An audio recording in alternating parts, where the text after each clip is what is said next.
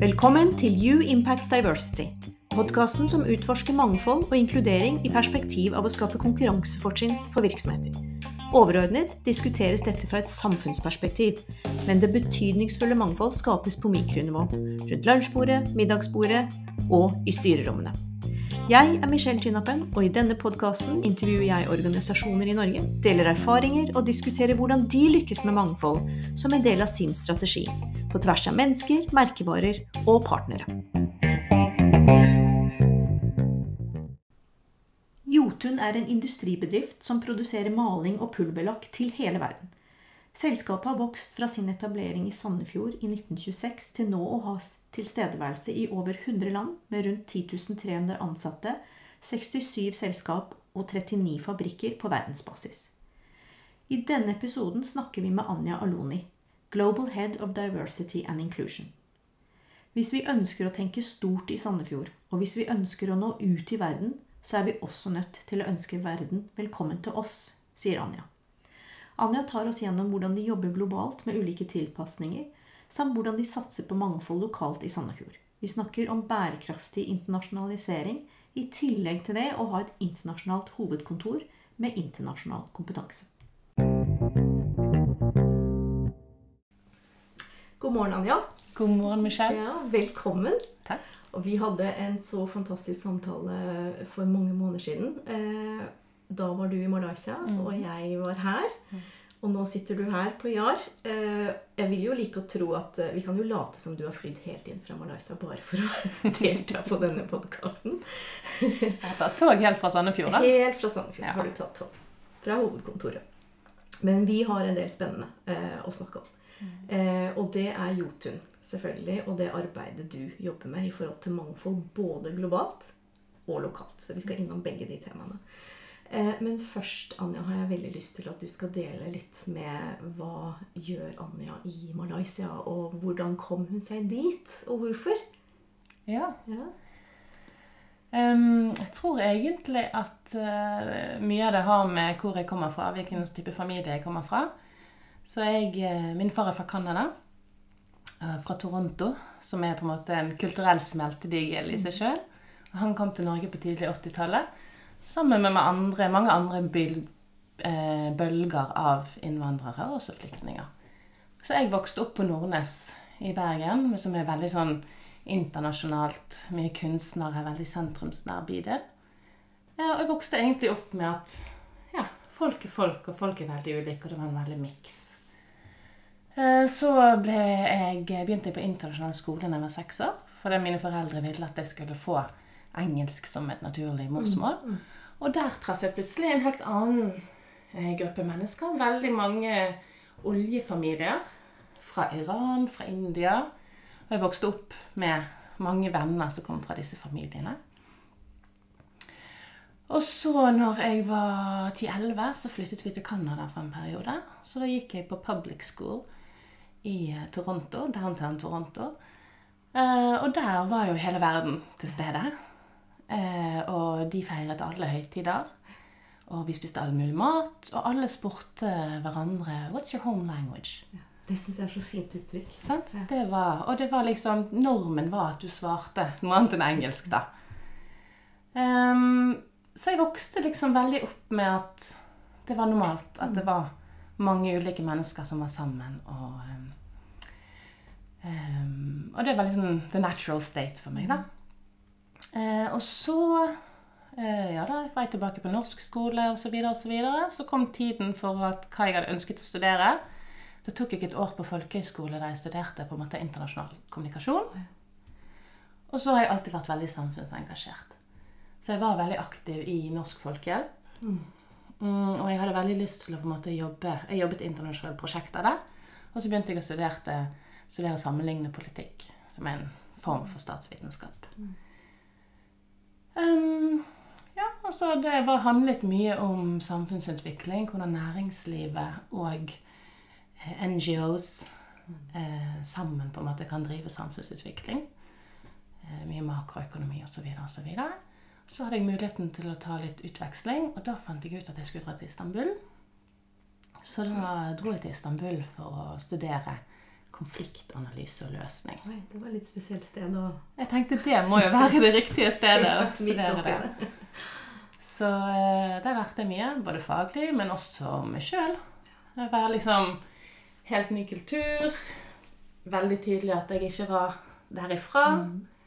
Eh, ja, og også manøvrerte liksom på en måte mye forskjellige eh, sosiale lag. da. For det er også noe vi må lære oss når vi kommer liksom fra egalitære Norge, der på en måte alle er Greit det er forskjeller, men vi er alle relativt Ja, har en jevnt. Ja. Så det var veldig interessant. Jeg hadde venner som på en måte ikke ville snakke til kelnerne på restaurantene, f.eks. Uh, så det var, det var også ja, en læring. Ja, så, ja, så gjennom det her så um, reiste jeg på mye internasjonale konferanser, annet eh, en eh, FN-konferanse om eh, Sustainability Goals, bærekraftsmål. Og Der traff jeg jo da eh, Sohir fra Marokko, Ja. eh, som jeg nå har vært gift med i 16 år. Ja, så hyggelig. Ja. Så da har jeg gjennom, opp gjennom årene også lært veldig mye om ja, marokkansk kultur og arabisk kultur og perspektivet der. Vi flyttet til Norge, og vi har vært på en reise sammen om hvordan hele den integrasjonsopplevelsen er. Jeg har vært gjennom hele den prosessen der. Og vi har to barn som har da ja, blandet herkomst, er det det heter? Eh, og en veldig skjønn svigerfamilie. Um, ja. Og så jobbet jeg mye med jobbet i Manpower i fem år. Der har jobbet egentlig som både som eh, konsulent for kunder, og jeg jobbet mye med rekruttering, og jeg jobbet med mange av programmene som Manpower har i forhold til, eh, i forhold til eh, mangfold, integrering, hull i CV, eh, selge inn annerledes kompetanse. Jeg jobbet mye med folk som hadde hatt en akademisk utdannelse, Ja. som slet med å oversette det til kompetanse som arbeidslivet etterspurte. Mm. Så da jeg likte veldig godt den eh, jobben der. Jeg jobbet også mye med eh, 2008 finansielle krisen og sånn, og hvordan skulle vi eh, hjelpe folk å skifte karriere. Da. Ja. Og solgte, som bare, solgte inn til kundene alternative kandidater som bare det. Eh, og så eh, fant meg og min mann ut at vi hadde lyst til å bo et sted der det regnet mindre. Han syntes det var utfordrende. Han var veldig glad i Bergen, men han syntes at været var skikkelig utfordrende. Og han hadde også tatt, rukket å ta en doktorgrad i Bergen, eh, men han ønsket ikke å fortsette i akademia. Så da begynte vi research. Hvor kan vi bo i Norge der det er mer sol, og der vi kan jobbe internasjonalt og virkelig få brukt kompetansen vår? Og da var det et sted som het Sandefjord som kom opp på yr.no. Ja. Dette er helt sant. Det er sant, altså? Ja, Sandefjord. Den norske riviera. Så tenkte vi ja. Eh, og der var det et firma som het Jotun. Eh, og Jotun tror jeg er litt sånn godt bevart hemmelighet i Norge, hvor internasjonalt det konsernet egentlig er. Ja, for jeg var ikke Altså, jeg ble positivt overrasket. Veldig. Veldig. Jeg har malt med Lady og Drigolin i alle år, men jeg ante ikke hva slags organisasjon eh, Jotun er. Men eh, i midt i denne researchen her så dukket det opp en ledig stilling i konsern HR-avdelingen, der man skulle jobbe med global mobilitet og internasjonal kompetanseforflytning. Da tenkte jeg ok, nå søker jeg på denne, så prøver vi dette her. Så da fløy jeg til Sandefjord på intervju. Hadde aldri vært der før. Hadde tre kvarter etter intervjuet før flyet gikk, der jeg løp rundt og sjekket ok, har de sushi. har, de, har de såkalte innvandrerbutikker, eller butikker med eksotisk mat? Har de hyggelige søndagsåpne kafeer? Check, check, check. Ok, men da kan Da vi prøve Sandefjord. Ja. Så der jobbet jeg mange år eh, med å utvikle mobilitetsprogrammene til Jotun. Dvs. Si måten Jotun stimulerer til å sende folk fra hovedkontoret ut i verden. Ja, for det er de opptatt av. Veldig opptatt av det. Og også med å ta imot folk fra de ulike lokale selskapene og de regionale selskapene. Så det var jo virkelig Altså, det er jo mangfoldsarbeid. Fordi at vi må tilrettelegge for ulike kulturer. Vi må finne ut av hva er det de er opptatt av når de skal røske opp familien sin og flytte til et annet sted. Det kan være veldig ulike ting. Nordmenn er ofte opptatt av noe. Kanskje barnas sosiale nettverk er en sånn gjenganger. Mens de som kommer eksempel fra Kina, de er mer opptatt av om de kan ta med seg eh, sine eldre foreldre. Og hva slags helsestøtteprogrammer vi har der. Så vi måtte virkelig gå igjennom og intervjue folk i alle deler av verden. Um, så det jobbet vi mye med.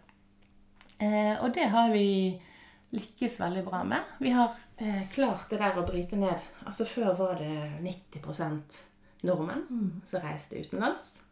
Og veldig lite som kom til Norge. Og nå er vi jo på en måte på 30 Så nå har vi blitt attraktive andre veien. Ja. Ja.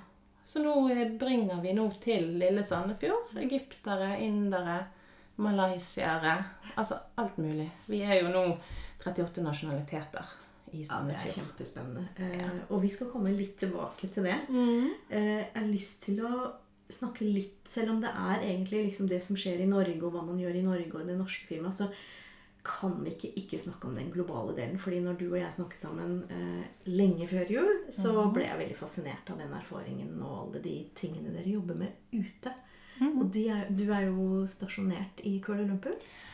Jeg fant jo ut at jeg måtte jo walk the talk. Nå har jeg holdt på med dette internasjonaliseringskompetanseprogrammet i mange, mange år. Eh, og vi har også eh, funnet det litt vanskelig å sende ut Altså det er vanskeligere å sende ut kvinner enn menn. Ja. Eh, Er det pga. familie? Barn? ja, pga. familie, barn, hensyn til partner sin karriere, er vi går igjen. Eh, og i Jotun så har vi sånn at hvis du skal bli toppleder i Jotun, så syns vi det er så viktig at du har internasjonalt perspektiv. Rett og slett mangfoldskompetanse. Ja. Og det får du av å bo ute. Du får det av å kjenne på kroppen Ja. Eh, hvordan ting fungerer annerledes. Av å konstant få de der påminnelsene at ok, nå kan du ikke tenke liksom rett frem her. Du må sørge for at du har utfordret alle dine biases og assumptions. sant? Og det syns vi er så viktig. Men da er utfordringen at vi er nødt til å tilrettelegge for at ansatte med forskjellige eh, familieroller eh, og forskjellige livsfaser også kan få den utenlandskompetansen. Så jeg lærer jo masse jeg nå av å være utstasjonert sammen eh, med min familie.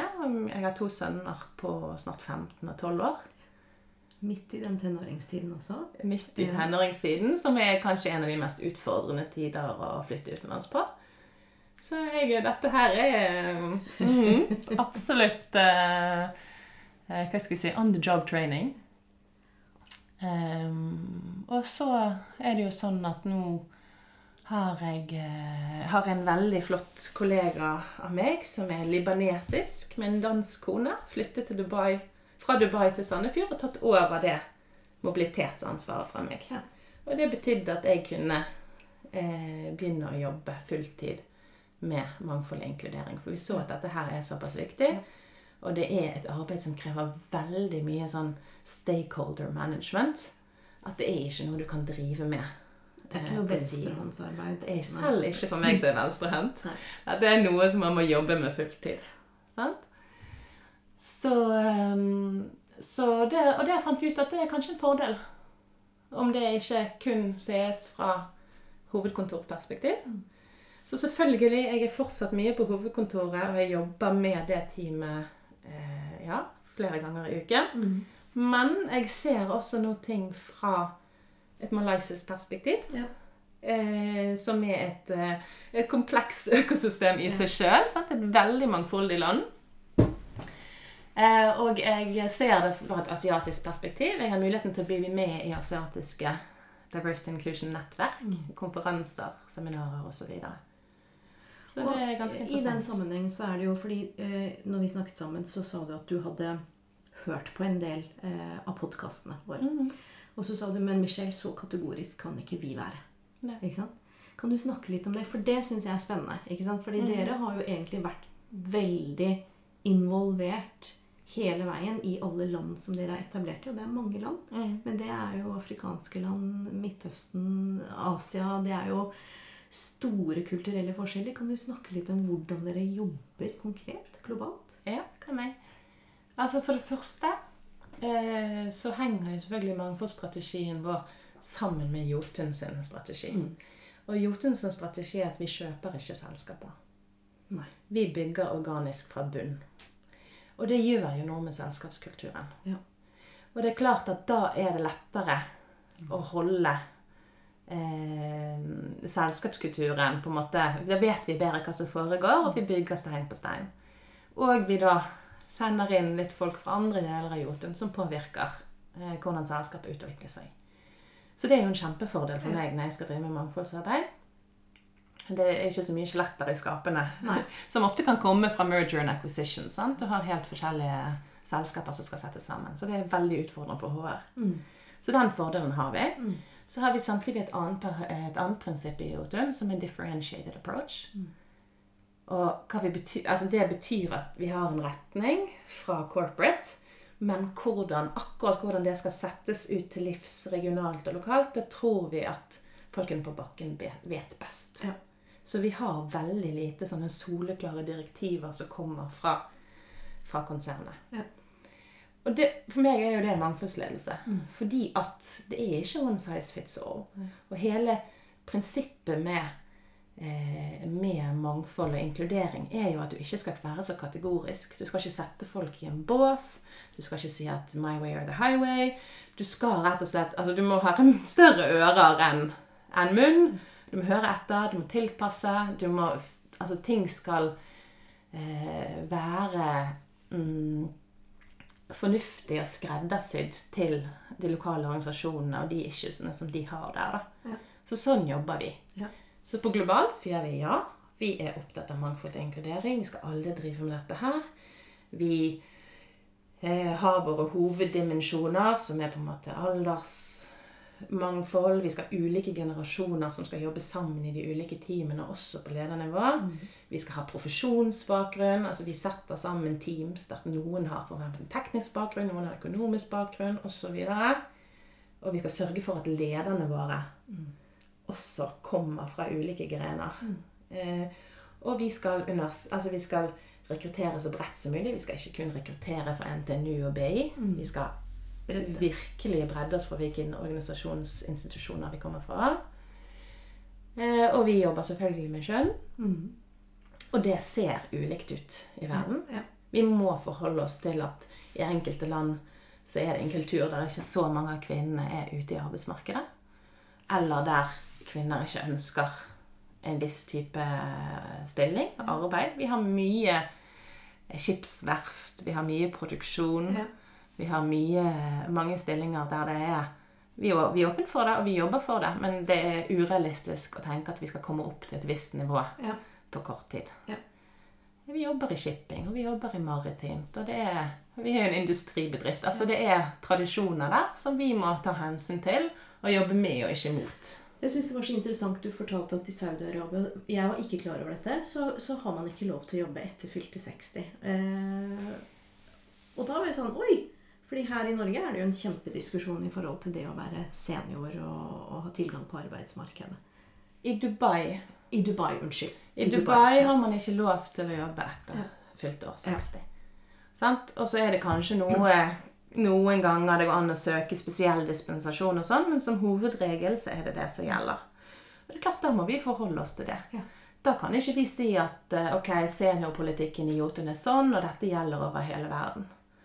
Og i andre land så har de regler. Eksempel nå hørte jeg at i Tsjekkia så har de regler for at kvinner ikke kan løfte mer enn 12 kilo, for eksempel. Det må vi forholde oss til. Ja. Eh, hva vi nå enn mener om det, Sant? som sterke norske kvinner. Ja. Men vi må jo forholde oss til det. Ja. Sant? Og i andre land så har de på en måte kvoter. F.eks. i Sør-Afrika så har vi jo, det er jo et kvotesystem. Hvor, liksom, da må vi kategorisere ansatte inn i etnisitet. Okay. Og så må man forholde seg til de reglene som er der. Ja. Men, men det er jo på en måte hygienefaktorer som vi må forholde oss til. Ja.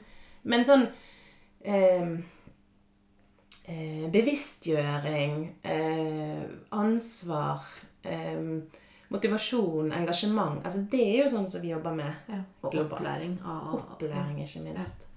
Der har vi jobbet mye nå de siste to årene. eh, hvor vi har på en måte eh, programmer for alle ansatte som alle nyansatte går gjennom. Som er en sånn bevisstgjøring på hva er, hva er mangfold i Jotun, hvordan jobber vi, hva forventer vi av deg som ansatt, hva kan du forvente av dine kollegaer og dine ledere. Og da prøver vi å være veldig konkret. For eh, det er viktig å jobbe for at det her mangfoldet og inkludering at det ikke blir en sånn fluffy, wishy-washy, Ja. trendy greie som vi snakker om, som ingen helt får tak på. Ja. Liksom OK, og hva Ja, mener nå er det jo også veldig i vinden. eh, I hvert fall i Norge. ikke sant? Alle skal jo snakke om uh, mangfold og inkludering. Mm. Uh, og så går man litt i sømmene, og så tenker man oi, her var det mye ord. Ja. men også fordi mange syns det er litt komplisert. De syns det er liksom vanskelig å ta tak i. Det er komplisert. Det er jo det. Mm. Eh, og det er det som er litt viktig også. Jeg er opptatt av at vi må finne de lommene. Altså, Vår organisasjon driver jo med kjernevirksomhet. Vi driver med innovasjon av produkter, produksjon av maling og salg av maling. Altså, Det er hovedvirksomheten. Og så må jo vi da inn og smøre maskineriet der vi kan. Både hva gjelder HR generelt, men også da mangfold og inkludering. Så det er en balanse. For hvis vi roper for høyt og for mye i år, så blir det en sånn Jeg kaller det for sånn diversity fatigue. Sant? Så det, man må jo finne smarte måter på, for vi vet jo at dette her er noe som vi må jobbe med Kontinu ja, kontinuerlig. Og, og Ja. i 5, 10, 15, 20 år, altså og videre. Mm. Så vi kan ikke liksom på en måte trøtte ut organisasjonen for fort heller. Nei. Det er viktig. Og det tror jeg det er en fare for hvis du kommer med veldig sånn eh, top down sweeping policies, så Ja. tror jeg folk lett liksom blir sånn Ja. det her er mer støy, og hykker av på at de har gjort det, men, men det mindsettet har du egentlig ikke lykkes med å endre. Så.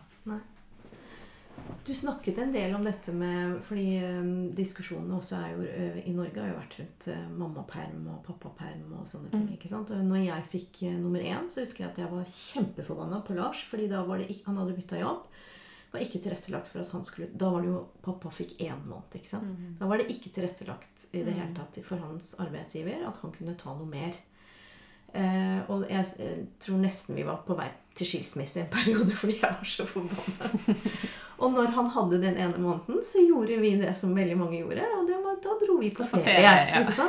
Så kom nummer to, og så sier Lars at nå har jeg en arbeidsgiver, vi kan tilrettelegge, jeg kan ta mye mer av permisjonen. Og da, Det er litt flaut å si, men jeg sa til Lars du får ikke en dag av meg. Så jeg. Jeg skal ha alt selv. ikke sant? Så, så det med mammaperm er jo en, en sånn derre Ja, egentlig vi er privilegert som kan ha de samtalene i Norge. Men, der, men du må forholde deg til helt andre regler.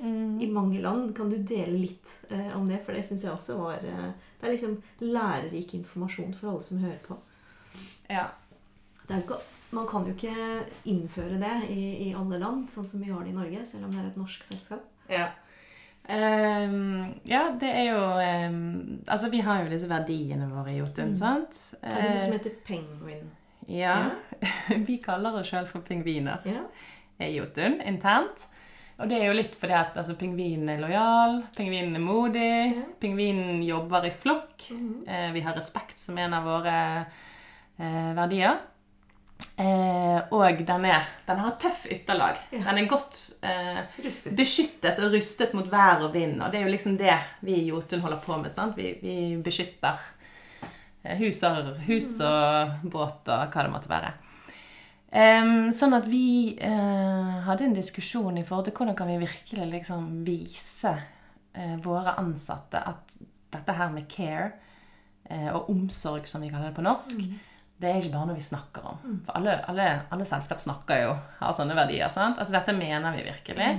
Og vi så også på hvordan kan vi enda bedre støtte eh, våre kvinnelige ansatte eh, eh, på å på en måte kunne ta mellomleder- og seniorlederstillinger. Hva er det? Hvor er liksom eh, det skoen trykker rundt omkring?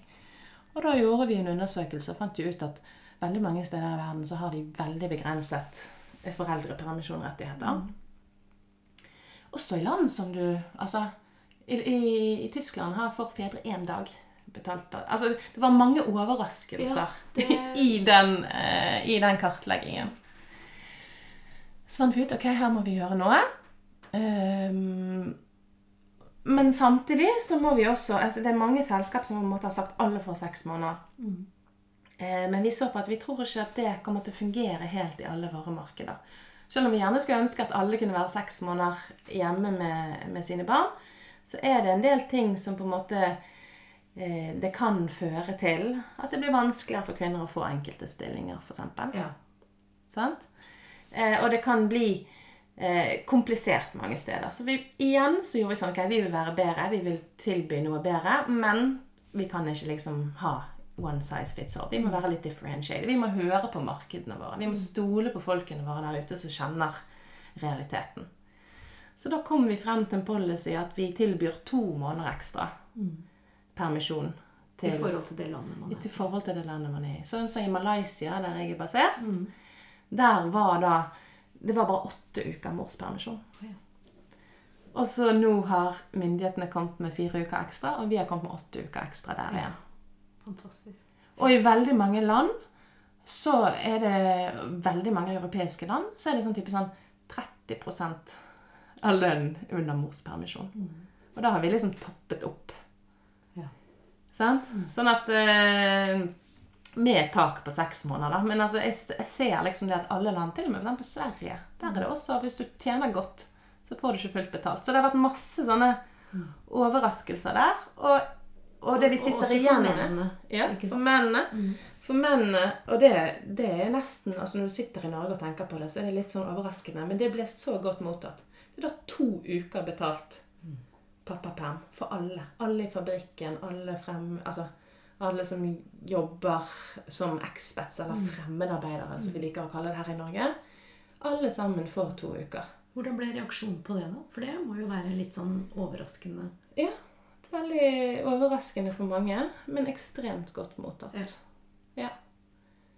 Ehm, så så um, det er viktig for oss. Jeg tror Det er liksom litt sånn som man diskuterer når man diskuterer f.eks. velferdsstaten i Norge, og hvordan har ehm, barnetrygden overlevd alle disse årene.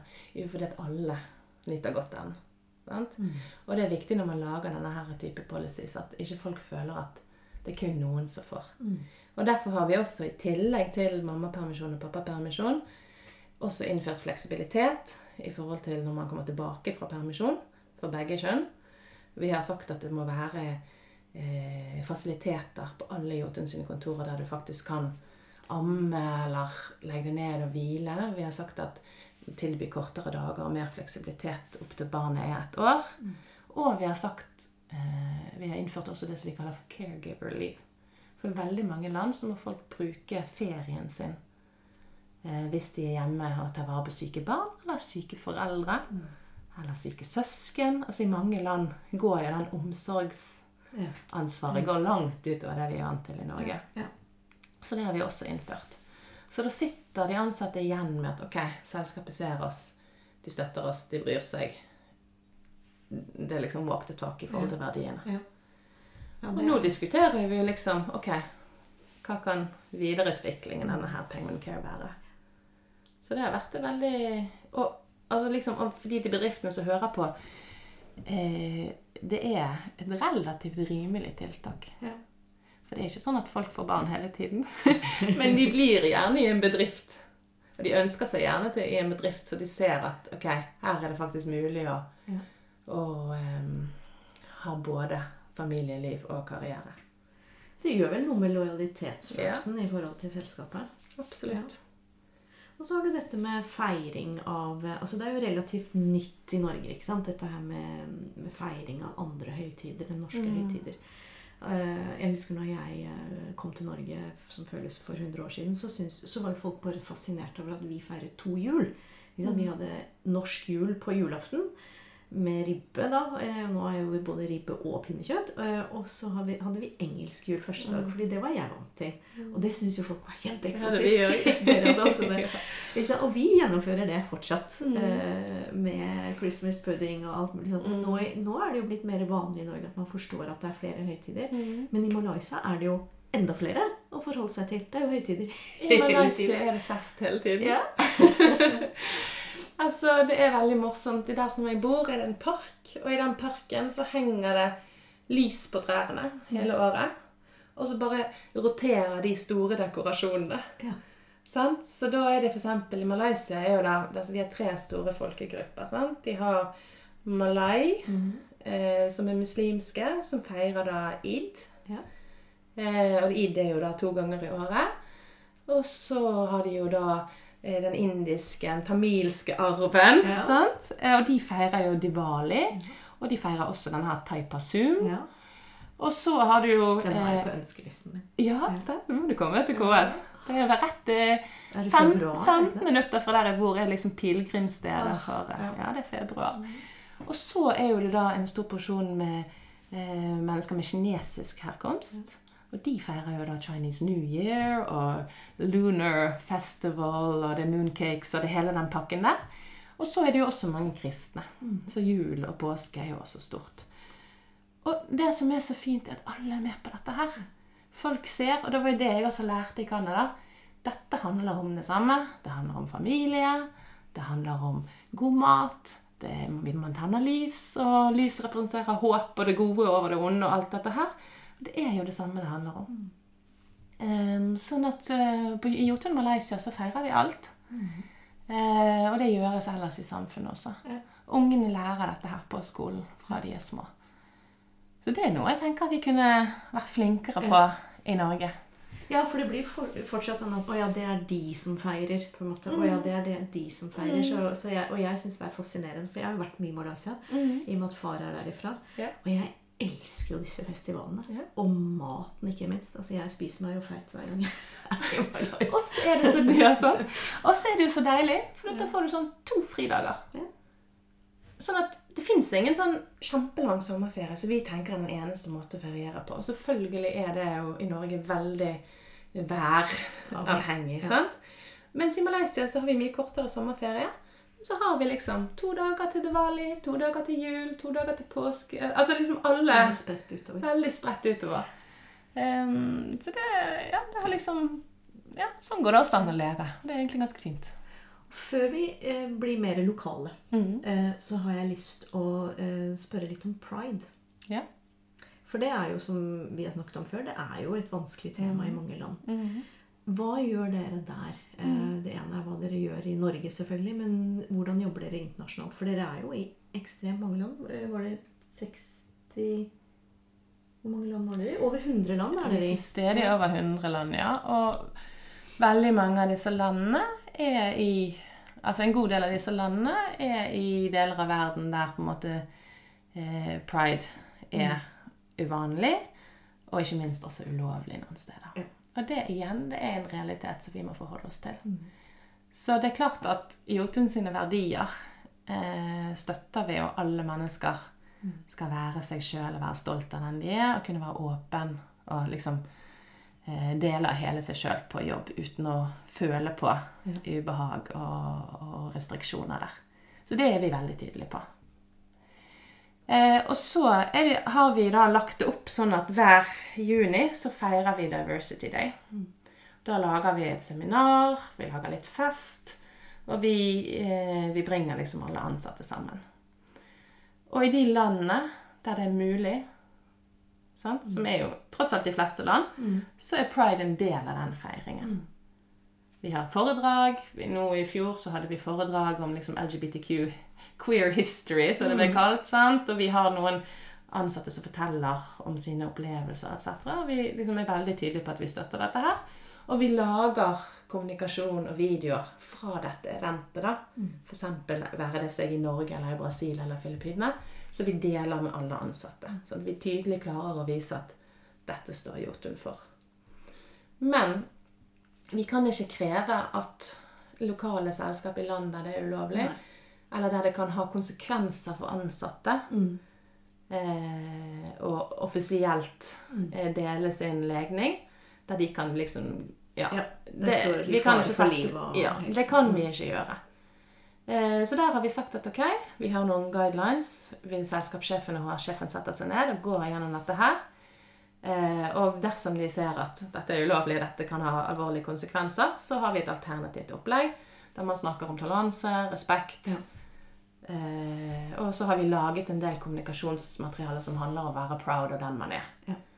Så vi er rett og slett nødt til å være litt street smart Ja. i måten eh, vi markerer dette her rundt i verden. Sånn er dessverre verden nå, og verden trenger Og vi håper jo da at andre land Mm. også skal ha den samfunnsutviklingen som vi har hatt her i Norge. For det er jo bare 50 år siden det blir kriminalisert her Ja, også. sant? Ja, er, eh, man glemmer at det er eh, Så vi håper jo, vi ser jo at, vi ser jo at ting er i endring.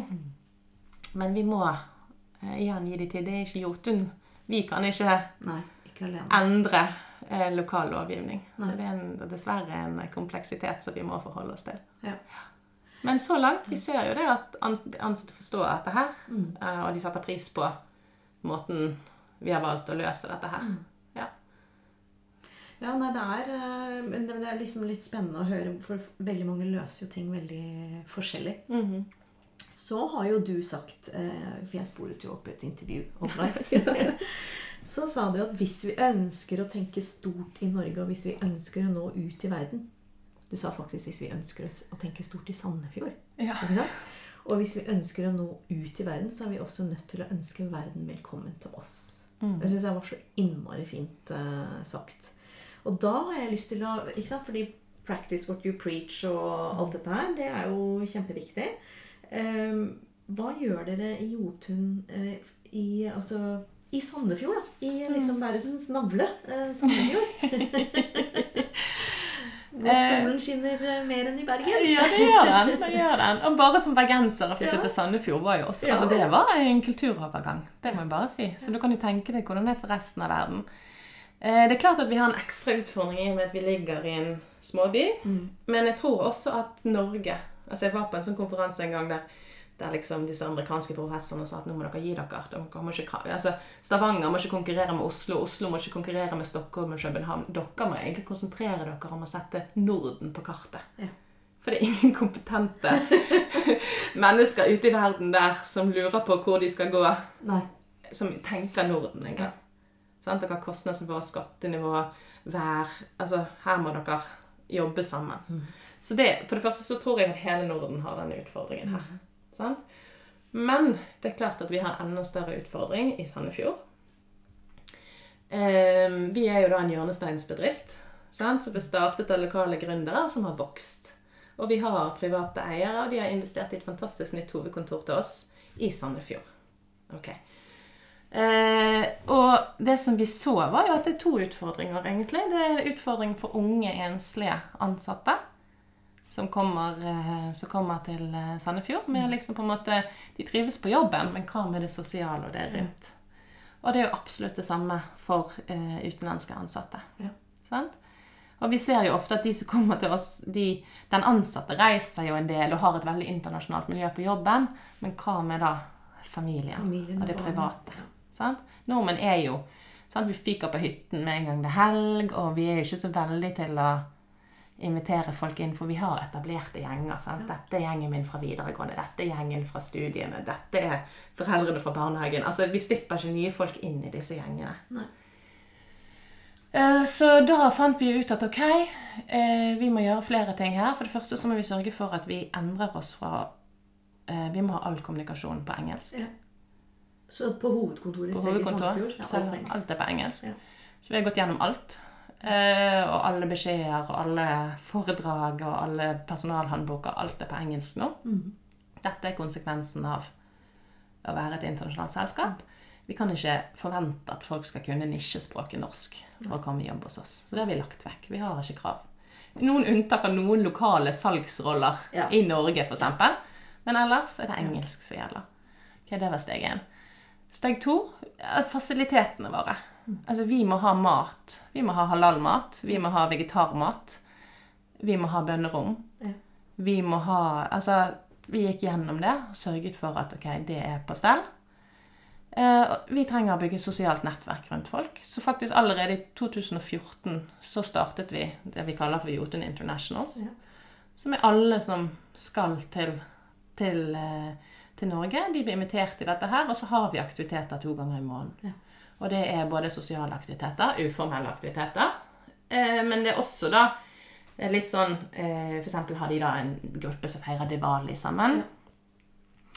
Og så har vi også eh, Vi hjelper folk å utforske det som er bra med Sandefjord og Vestfold. For det er jo masse som er bra. Veldig mye. Vanvittig mye flotte turområder. Og vi har skikurs. Eh, Norskkurs. i norskkurs. Det, det får de selvfølgelig. Vi har eh, orientering Altså vi lærer de liksom hva, hvordan bygge et liv her i Vestfold. da. Ja, for det må jo være veldig annerledes. Jeg, jeg så jo på, eh, bare på Research and Development eh, um, Så var det elleve forskjellige nasjonaliteter bare i den ene avdelingen. Ja. Det syns jeg var kjempespennende. Ja, de har vært kjempeflinke på, på R&D, da. Og det er jo fordi at Jotun har skjønt Altså, vi lever jo av innovasjon. Ja. Sant? Det er jo der, altså det er mange som kan lage enkeltmaling, men vi leverer jo da altså premiumprodukter, og nå er vi jo begynt å bevege oss inn i teknologi. Ja. Løsningsverden også, og da er vi nødt til å ha innovative Ja, avdelinger. Ja, for når jeg har lest veldig mye om, om dere nå, eh, både på årsrapporter og, og på nettet, så, så sammenligner jeg dere litt grann med, med Veritas, faktisk. Det med. Mm. Fordi selv om ikke dere skriver De skriver jo at det er businesskritisk for dem å ha Mm. mangfold. Men slik jeg leser det, så er det sånn at det virker nesten sånn for dere. Ja, ja. Det er businesskritisk. Så det er ikke bare at det er noe som er pålagt gjennom aktivitets- og redegjørelsesplanene og, og ha alle disse tingene, men det er også Altså For oss er det businesskritisk av mange grunner. Én ting er jo denne innovasjonskraften. Mm. Det andre er jo denne markedsforståelsen. Altså Nå er vi i over 100 land. Vi trenger folk som forstår Mm. Eh, kundene i alle disse landene. Eh, som forstår eh, myndighetene. Mm. Som kan språk. Eh, sånn at det er kjempe, kjempeviktig for oss. Ja, og ikke bare ute, men å ha det Ja, ja, på, hoved, på på hovedkontoret. hovedkontoret. For det er den der kommunikasjonen mellom hovedkontoret og regionen altså Det er jo der det skurrer for mange. Så det er kjempeviktig. Ehm, og så var det jo også det der med forhold til å få folk Bare for å fortelle det, i forhold til å få verden til, til Norge. Altså der, hadde vi, der måtte vi eh, ha en del runder med diskusjon. fordi at det er klart at vi må jo tilby de mer når de kommer hit. Sant? De må jo få Akkurat sånn som jeg får når jeg reiser til Malaysia, så får jeg støtte til liksom bolig der, og jeg får støtte til internasjonal skole. Jeg får, altså jeg får en del ting som jeg ikke får som vanlig ansatt i Norge. Det må jo vi tilby i Norge også. Ja. Og det at noen skal få noen som noen andre ikke har, det er ganske unorsk. Ja. Så det måtte vi jobbe med. Så nå er det jo sånn at for en midlertidig periode, i tre år, så får de utenlandske som kommer til Norge internt fra Jotun, de får noe som den norske kollegaen ikke får. Ja. Og det måtte vi forklare hvorfor. Og den måten vi nådde gjennom på, var jo at de bringer noe. Altså det er ikke, Ja, dere har samme stillingsbeskrivelse, men de bringer jo noe kritisk her, og det er perspektiv utenifra. Ja. Og det er så mye verdt at det er det vi betaler for. Det er ikke det at du er mindre verdt, men den, den særegenheten har en businessverdi. Ja. Og ja, kjære leder, det må du faktisk betale for. Ja. Ja. Ja, det er eh, Nei, det er kjempespennende. Altså. Og dere har jo eh, ønske om å gjøre påvirkning ikke bare lo, altså lokalt i, i, på hovedkontoret, men også i selve Sandefjord. Der har jo også Jotun vært ganske aktive. Som global ambassadør, er det det dere kaller det? Ja. Altså, Jotun er jo hjernesteinsbedriften i Sandefjord. sant? Og etter Sandefjord kommune så er vi jo største arbeidsgiver. Så vi har 1000 ansatte. Eh, sånn at eh, Og 33 nasjonaliteter. Ja, sant? Så det som Jotun gjør, eh, og den påvirkningskraften som vi har i Sandefjord, den ønsker vi å bruke positivt. Og nå, nå må jeg si at det er faktisk ganske mange bedrifter i Sandefjord som er faktisk ganske gode på det. her. Mm. Sandefjord er ganske open-minded og fremoverlent som et sånn gründer- og businessmiljø. Ja. Så den jobben som de gjør i globale Sandefjord, Ja. der har de fått med seg masse eh, bedrifter. De er veldig flinke. På. Den er veldig spennende. De er veldig flinke. Um, men vi må jo gjøre vår del. Ja. Så klart at vi har jo en del møter. Vi inviterer folk inn. Vi deler av det. Altså de metodene vi har funnet, de leverandørene vi har funnet. Ja. Fordi at uh, vi er jo også avhengig f.eks. av at våre Altså partnerne til våre ansatte blir ansatt lokalt. Mm. Hvis de skal trives og bli. Ja. For verden er ikke sånn lenger at mannen reiser ut og kvinnen liksom, trailing spouse. sant? Nå er det ikke sånn. Folk finner hverandre ofte noen som er liksom Folk finner hverandre ofte under studietiden eller begynnelsen av eh, arbeidslivet, og de er ofte relativt lignende karrierer. Så vi er jo veldig avhengige av det. Så det er jo litt sånn samfunnsansvar. Ja. Eh, og så vi også, har vi jo startet nå et mentorprogram i Globale Sandefjord, der vi har ledere i Jotun som er mentorer for jobbsøkere via Globale Sandefjord. Og det er jo en kjempefin måte. Selvfølgelig er det bra for de som er mentis, men det er også veldig bra for våre ledere som ønsker å gjøre mer, og som ønsker å lære mer om mangfoldskompetanse osv. Og, så og det er en pilot, og nå er jo det nå er vi akkurat i ferdigstillingen av det, og det ser ut til å ha funket veldig bra. Og da håper vi å på en måte kunne Hvis Jotun kan gå foran som en god referanse, så håper vi at flere bedrifter i Sandefjord blir med på det. Og du viste meg jo nettopp et bilde eh, av eh, det møtet dere hadde i Sandefjord på HR. Og det var jo kjempespennende. Som jeg sa. Oi, her er alle mulige former og farger og størrelser og kjønn og alder og sånne ting. Så det bildet må du jo nesten bare poste og bruke, for det er jo å etterleve. Men hva er det som er eh, For at eh, nå høres jo dette bare fancy og fint og flott ut. Eh, hva er det som er utfordrende når det gjelder all ledelse som har med inkludering og, og kultur Altså kulturer er jo, det er jo komplekst, ikke sant? Hva er det dere tenker, Hvor har dere virkelig måttet sette inn litt ekstra krutt for å unngå eh, at det er eh, liksom At det går smertefritt, da? Ja, altså, det går jo ikke smertefritt. Nei. og vi er jo ikke perfekte. Altså, det er jo det bare å innrømme med en gang. Uh, og det er ingen quick fix. Nei. Eh, så vi er litt sånn progress, not perfection. Mm. Og litt sånn evolution, not revolution. Altså, det er liksom der man må Man må Man kan ikke ha så mye høyere ambisjoner enn det. Mm. Men ehm, jeg tror det at eh, At eh, vi har såpass tett samarbeid mellom ledelse og HR, og at vi har et tett samarbeid mellom global, regional og lokal, hjelper veldig. I tillegg så må man gå inn i makronene. Nå har vi et nytt kurs vi har laget fra scratch. Vi går ikke ut og kjøper noe skyld, liksom hyllevare. Vi sitter oss ned og så sier vi ok, Ja. hvordan ser det ut hos oss? Og da har vi laget et kurs på hvordan drive inkluderende rekruttering. Og da har vi fått go fra ledelsen at dette skal alle 1800 ledere i Jotun gjennom Såpass. dette halvåret. Sant? Ja. Og da setter vi oss virkelig ned og så sier vi ok, stillingstittel. Mm. Stillingsannonse. Intervju. Vi har jo sånne kompetansebaserte intervjuer. sant? Det har vi hatt i årevis. Men hvor godt og hvor strukturert Og hvem, gjøres og det hvem egentlig? gjennomfører den? Mm. Seleksjon. Mm. Vi har laget nye verktøy. Mm. Vis meg liksom hvorfor denne kandidaten Altså, Så vi har liksom virkelig gått ned i makronene der. Mm. Og vi ser jo at altså det begynner å hjelpe. Vi ser, vi hadde jo noe som du nevnte, møte tidligere denne uken. Vi ser at antall kvinnelige eh, new hires, nyansatte, heter det. Beklager, jeg Mm. Er vant til å jobbe på engelsk. Nyansatte, at den prosenten går stadig oppover i alle regionene. Ja. Sånn at eh, det er jo en blanding av å være tydelig overordnet, og så lage masse verk verktøy som de kan bruke lokalt, og så klare å skape engasjement. Ja. Så, men eh, altså, det er seigt arbeid. Ja. Absolutt. Mm. Eh, og, jeg er glad for at du sier det, ikke sant? for det er jo viktig at man, man forstår at det det er steg for steg, og man trenger ikke å bli mester over natten. Det viktigste er at man eh, starter prosessen med noe.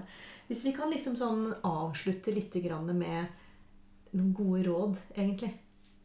Fordi det er jo Jeg intervjuer veldig mange store selskaper per i dag. Mm. Og det er jo veldig mange selskaper som kanskje ikke har den eh, kompetansen til å ha, eller økonomien til å ansette noen til å gjøre denne fantastiske jobben. Hvor, hvor bør de starte? Hva er det minimum de bør eh, holde på med? Syns du? altså, jeg tenker at uh, først må man bestemme seg om man, om man virkelig mener dette her. Mm. Sant? Jeg tenker at ingen skal på en måte eh, ta på seg en eller annen hatt av mangfoldig inkluderingsarbeid hvis ikke man virkelig har tro på at det her er noe man ønsker for selskapet sitt. Eh, og da, når man har kommet frem til det, da, forhåpentligvis, så tenker jeg at man må eh, sørge for at alle ledere er med på dette her. Eh, og det er veldig viktig å gjøre det her på en måte der du f.eks. ikke bare snakker om kvinner inni Altså, du må ikke alienate Nei. dine ansatte. Og så må man liksom få frem at det er sikkert masse mangfold i den gruppen man sitter, selv om man tilsynelatende kanskje er lik. Og så må man jobbe med kulturen, altså en såkalt speak up culture. For det er veldig mange steder der vi på en måte nikker med, eller vi ikke utfordrer, eller vi liksom ikke ønsker å lage noe konflikt. Nei. Det tenker jeg er første steg. Ja. Altså det der å ha en kultur der du kan utfordre, og der det konstruktiv kritikk er velkommen. Eh, og eh, at det er mange nok som er med i diskusjonen før man tar avgjørelser. For det er jo det, er jo der, det, er det som er jackpoten. sant? Så det tenker jeg det kan alle drive på med. Uavhengig av om du er liksom 5 eller 10 eller 15 og alle er fra Indre Toten. Altså, et, dette kan man jobbe med. Ja. Sant?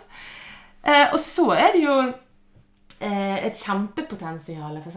i eh, trainees og interns. Eh, altså Der kan du tiltrekke deg mye mangfold. Det er ikke sikkert du har budsjettert for liksom flere hele stillinger over lang tid, men der kan du få masse hvis du lar de da komme med sine innspill. Jeg tenker det der å slippe de yngre generasjonene til det faktisk kommer med, det tenker jeg er kjempesunt. Eh, og noe vi virkelig må gjøre hvis vi skal være bærekraftige. Ja. Bare i de der eh, i det samspillet mellom generasjoner så er det masse eh, masse mm, gull som ligger. Så det kan man gjøre.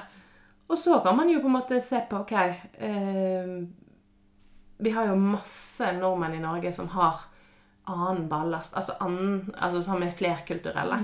Som har annen kompetanse, som kan det der å Og når du er flerkulturell, det er ikke det at du bare liksom kan om Norge og Kenya, men du kan noe om å alltid se ting fra flere sider. Du kan noe om eh, å justere og balansere. Altså, du, du, du er mer bevisst på ganske mange sånne kognitive eh, Ja, jeg er helt enig. Helt enig. Ja. Så der er det sikkert noen du kan ansette. Så du kan få inn det der. Hvis det er for vanskelig for deg å plutselig liksom gjøre alt på engelsk osv., så, videre, så er det masse flerkulturell kompetanse rundt omkring i Norge. Så det tenker jeg er kjempeviktig. Eh, og så må du jo liksom Og det er vanskelig, det må jeg innrømme. Altså, du må jo sørge for at du har en, eh, en eh, benefits, en, god, en pakke som er med i tiden. For veldig mange bedrifter har veldig sånn tradisjonelt sant? Altså eh, mye tuftet på pensjon, og det er kjempeviktig. Og mye tuftet på at hvis du er over 60, så får du en ekstra uke. Men hvor er de benefitsene som hjelper da småbarnsforeldre å stå og, og liksom balansere jobben? Ja. Hva kan du gjøre der? Eh, hvor mye liksom Hvis man er enslig, så er det andre altså Da er det vanskelig plutselig å reise osv. Hvordan kan man tilrettelegge for at de kan ta de stillingene også? Ja. Så der har jo heldigvis pandemien hjulpet mye. For plutselig har vi så mye Vi trenger ikke alltid å reise. sant? Vi har jo mye tekniske hjelpemidler. Så det har jo på en måte åpnet opp for at folk i flere livssituasjoner kan kan ta flere stillinger. Ja. Så det ville liksom utfordret litt de kravene man har til ulike stillinger. da. Man kan gjøre det annerledes. Og så er det jo bare det der eh, altså nå sitter, Jeg er jo litt sånn mm, nettverksmenneske, da. Så det der å skaffe seg nettverk Å sitte og prate med folk som har tilsvarende stilling i andre bedrifter, og bare dele åpent og stjele Steal with pride. Ja. Og tilpasse litt din egen. Men det er så mange kloke hoder der ute, og det er så mange ideer, og man er ikke aleine med sine utfordringer. Sånn så, sånn så Nå har jeg ett nettverk her i Norge, og jeg har et nettverk i Asia. Eh, og, og vi jobber masse liksom internt i Jotun eh, med alle HR-sjefene. Så det er så, du trenger ikke finne opp kruttet alle veier. Det er, så- hvis du bare begynner å snakke med folk åpent om de utfordringene du har, så ligger det masse løsninger rundt omkring. Det syns jeg var en utrolig fin avslutning, for det er jo det denne podkasten handler om. Å sammenfatte og dele og stjele gode ideer og ja. Så da eh, tror jeg vi avslutter der. Tusen hjertelig takk for at du kom helt fra Malaysia til mitt lille studio på Jar. Tusen takk, Anja. Takk, Michelle. Takk for at du lytter. Del gjerne, så verdifull erfaring og praksis kan nå andre som er i ferd med å navigere seg innen dette området. Hvis du ønsker å starte prosessen i egen organisasjon eller ta eksisterende arbeid videre, ta gjerne kontakt. Kontaktinfo finner du i podkastbeskrivelsen. Det er kun ved å delta aktivt på samtalen at du kan være med på å drive positive endringer. Uansett hva mangfold betyr for deg og din organisasjon. Det er kun ved å dele at vi aktivt kan gjøre hverandre gode og gjøre læringskurven brattere. Jeg ønsker å etterlate positive fotspor.